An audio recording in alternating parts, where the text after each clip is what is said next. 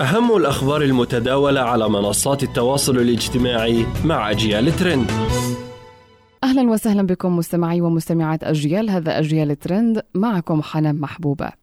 انتهت آمال المغرب في أن يصبح أول بلد عربي إفريقي يصل إلى نهائي كأس العالم بعد خسارة فريقه أمام فرنسا بهدفين مقابل لا شيء.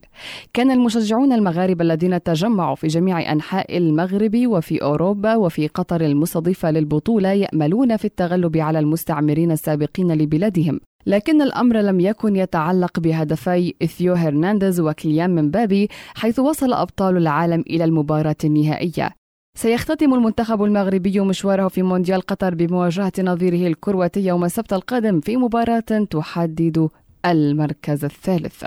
ونشرت الشابة الأردنية نعيمة سيف مقطع فيديو على إنستغرام تشكو فيه من رفض مركز الحسين للسرطان الذي كانت تتبرع له باستمرار من استقبال والدها البالغ من العمر 65 عاما.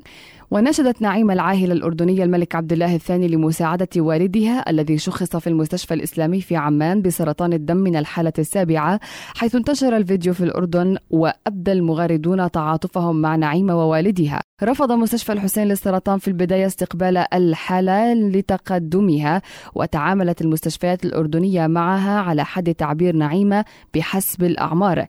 وجاء تعليق نعيمة في الفيديو الذي انتشر يعني مريض عمره 65 ما له حق يتعالج وين الإنسانية.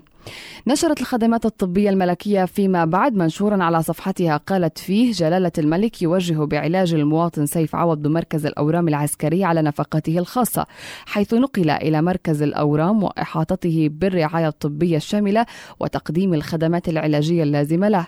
عادت نعيمة وظهرت بمقطع فيديو آخر لتشكر الملك وكل من دعمها في إيصال صوتها للحصول على علاج والدها وحقه في التعامل معه بإنسانية. إلى هنا نصل إلى ختام أجيال الترند. دمتم بخير وإلى اللقاء.